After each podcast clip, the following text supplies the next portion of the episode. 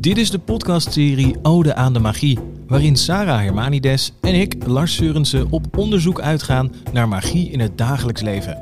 En ik heb zeker de eerste zeven jaar van mijn leven ach, in mijn achterhoofd de vraag gehad: waarom kan ik niet meer vliegen? Ik wist zeker dat ik dat kon.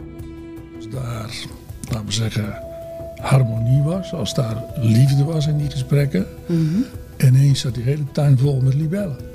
Sarah schreef het gelijknamige boek Ode aan de Magie, waarin ze al 17 verhalen over magie bij elkaar bracht. En toen landde er een vlinder op mijn hand, op die buik, in de zon. Weet je wel?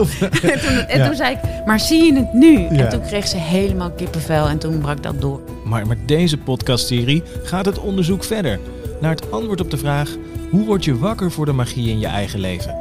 Als een directe ingeving, alsof het in een cadeau was verpakt met een strik eromheen. Dit is, eh, ja, dit is je roeping, dit is wat je moet doen. Wat is magie voor jou eigenlijk? Dans en muziek en creatie en het kunstenaarschap eigenlijk. Dat is een en al magie. Het transformeert elke paar jaar mijn wereld. Een fijne mix van ervaringsverhalen, duiding en inspiratie. Dan zing ik het maar even in. Ja. En toen kwam ook de melodie kwam ook in één keer eruit rollen. Abonneer je nu en mis niets van de magie.